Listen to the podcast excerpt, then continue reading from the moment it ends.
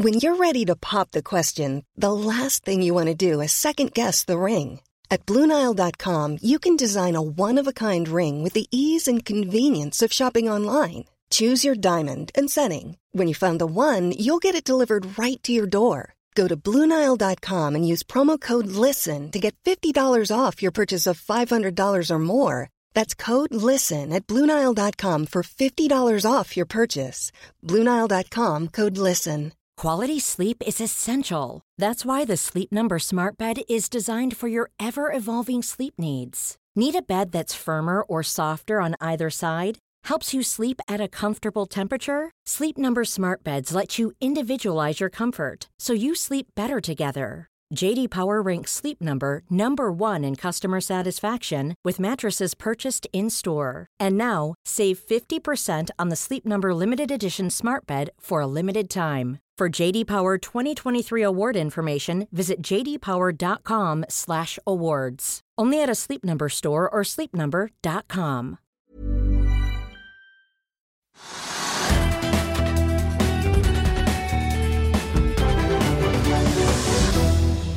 Hei, velkommen til Økonominyhetene. I dag blir det teknisk analyse av Storebrand, som har vært gjennom en skikkelig bølgedal.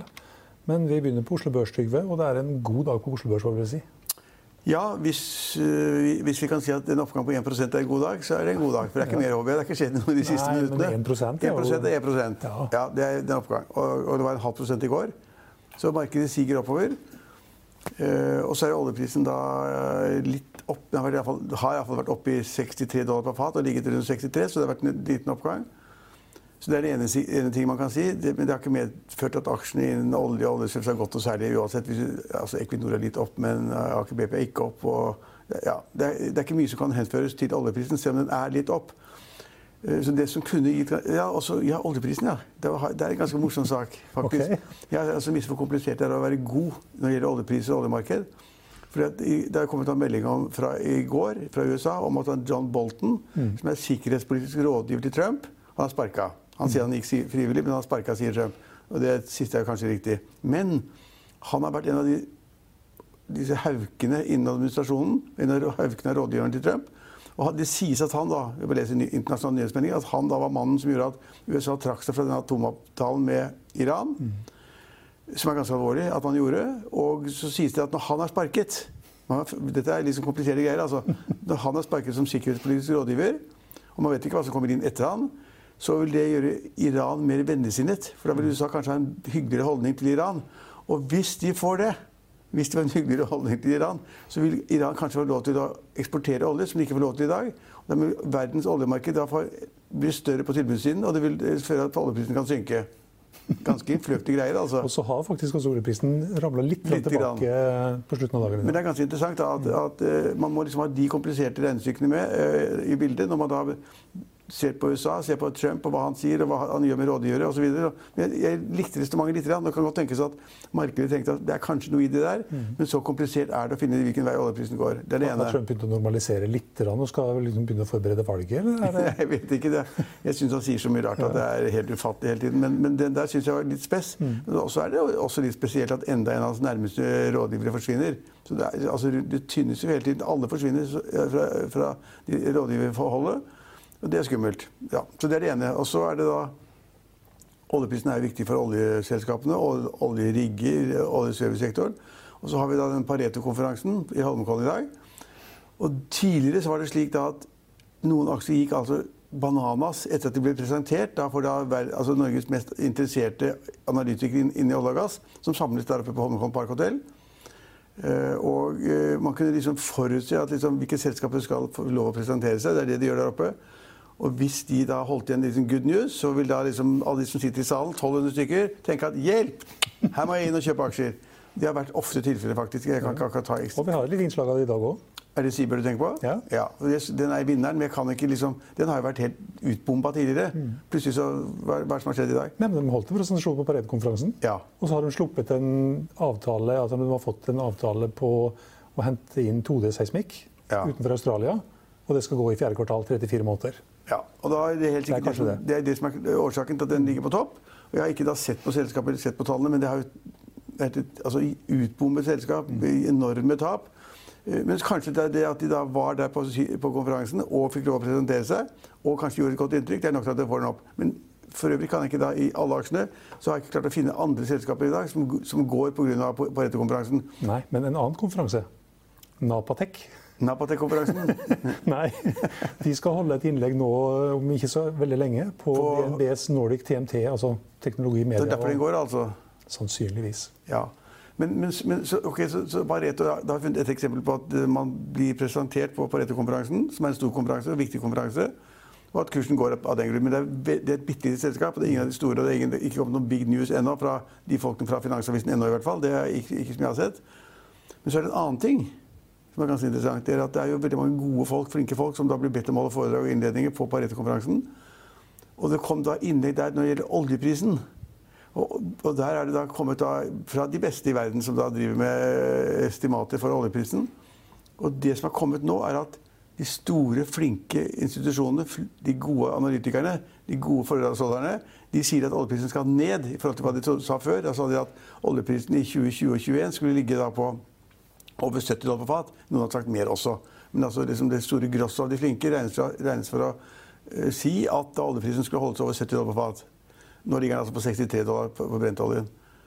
Og nå har man justert det ned til midt på 60-tallet. Og det er ganske alvorlig. det også, fordi at hvis det er riktig, hvis det er riktig, så betyr det at det, den informasjonen da fra oljekonferansen den synker inn i folk.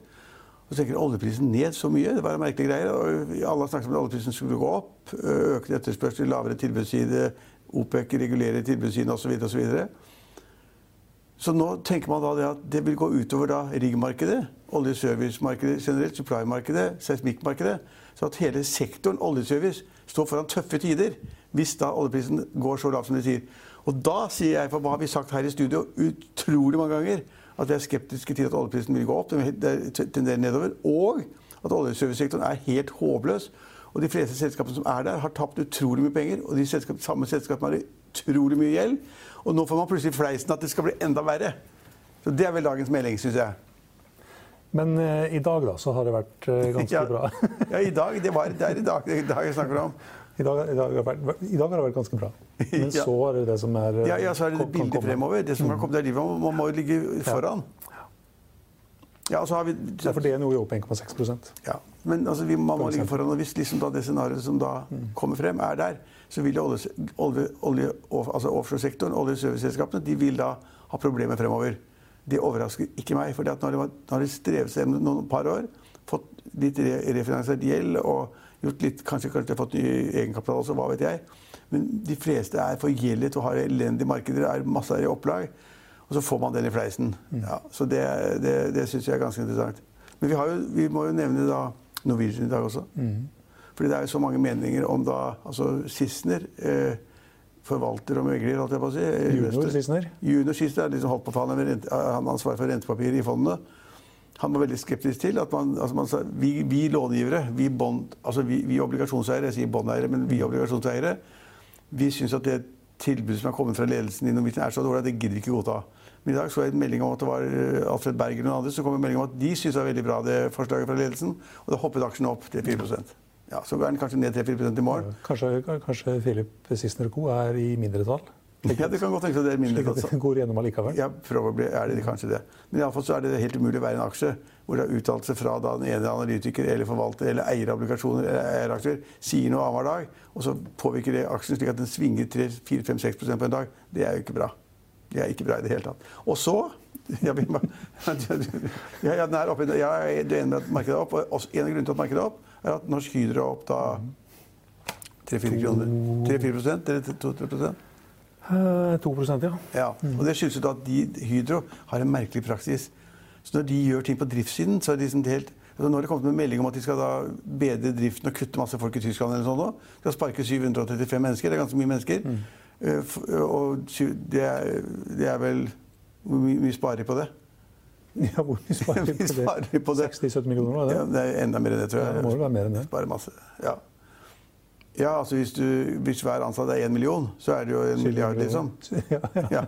Så, men, de, men de går ut med meldinger altså, De foretar driftstilpasninger, er flinkere, gjør tingene riktigere. Kutter ut den delen av produksjonen som er tapsbringende. Valset aluminium eller noe sånt nå. Dette er ikke mitt område, men selv jeg klarer å få med meg det. Eh, ting som de skal gjøre uansett. Og så går de til markedet og sier at nå er vi kjempeflinke. Nå skal vi kutte da sparke 700 ja, men ok, Kan de ikke bare gjøre det først og så tjene mer penger og ikke snakke om det hele tiden?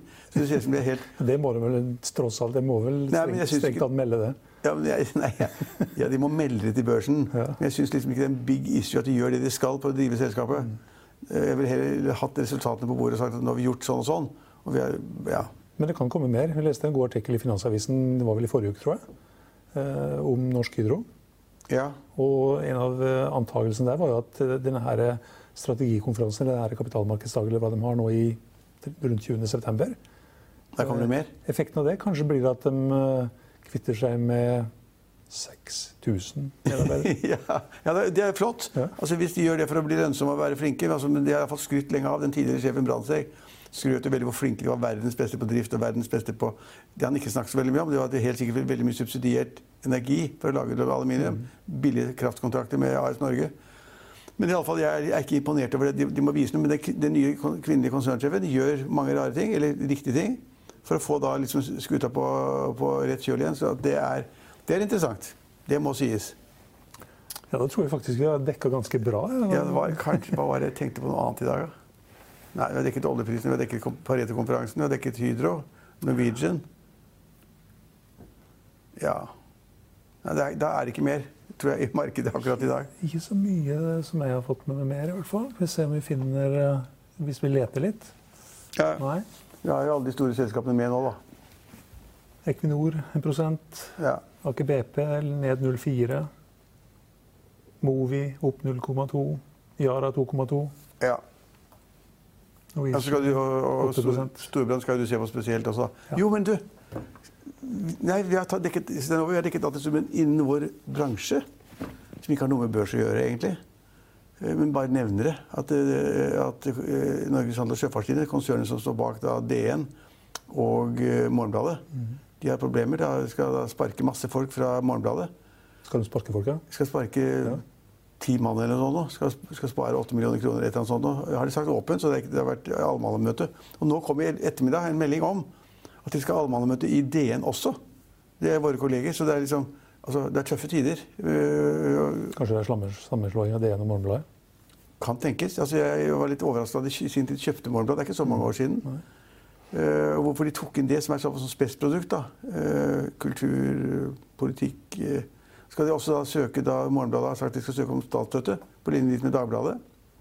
Mange spør meg om hvorfor gjør ikke vi det. Nei, altså, vi gjør ikke det, vi er ikke i den situasjonen. Men det er ganske alvorlig hvis da de skal nå si opp så mange eh, folk i Morgenbladet, og også skal nå da ha allmannmøte i DN. Ikke for å snakke om Morgenbladet sies det, men for å snakke om da situasjonen i DN. Så alvorlige tider også i media. Ja. Vi har lagt bak oss en drøy uke nå med Finansavisen NO. Ja. Altså Finansavisen Papir og, og, og, og, og Hegnar.no, som du sto bak, eh, de er slått sammen, og det har gått kjempebra. Altså, det- teknisk har det gått uh, langt over forventning. Og resultat, Litt, litt sånn småhikke her og jo, der. men det er det hele tiden. Du, Ja. kan ikke, du kan ikke legge om et sånt system som det der. Du bruker ett år på å forberede deg og gjøre det. Og alle mulige nye plattformer og tekniske greier. og Man skriver på forskjellige måter og driver produksjon av uh, Hegnar.no på en annen måte enn man gjorde før. og og samarbeid med ABC, som er vårt søsterselskap osv. Det der går ikke sånn uten noen tekniske problemer. Men fra første dag har vi løst mange av problemene. Det var at på lørdag og søndag det kom. Eh, og iallfall uh, ant, av at antall abonnenter går rett opp. Så det no, vi, har, vi må ha gjort noe riktig. Og spesielt det med antall abonnenter. Det var veldig moro. Ja, da tror jeg vi har kommet gjennom Da har vi vært igjennom dagen. Vi er tilbake inn i morgen klokken 15.30. Følg med oss igjen da.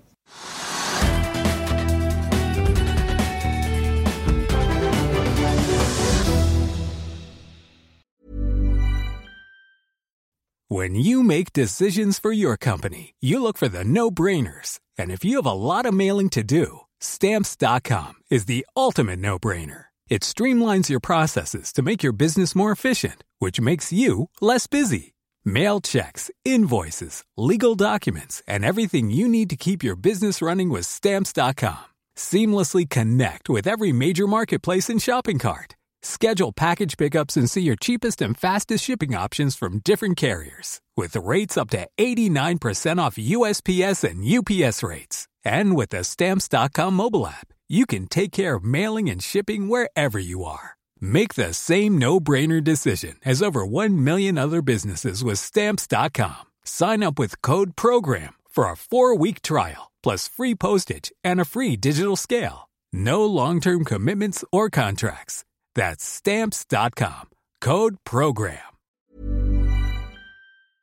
Økonominyhetene er en podkast fra Finansavisen. Programledere er Marius Lorentzen, Stein Ove Haugen og Benedikte Storm Bamvik. Produsenter er Lars Brenden Skram og Bashar Johar. Og ansvarlig redaktør er Trygve Hegnar.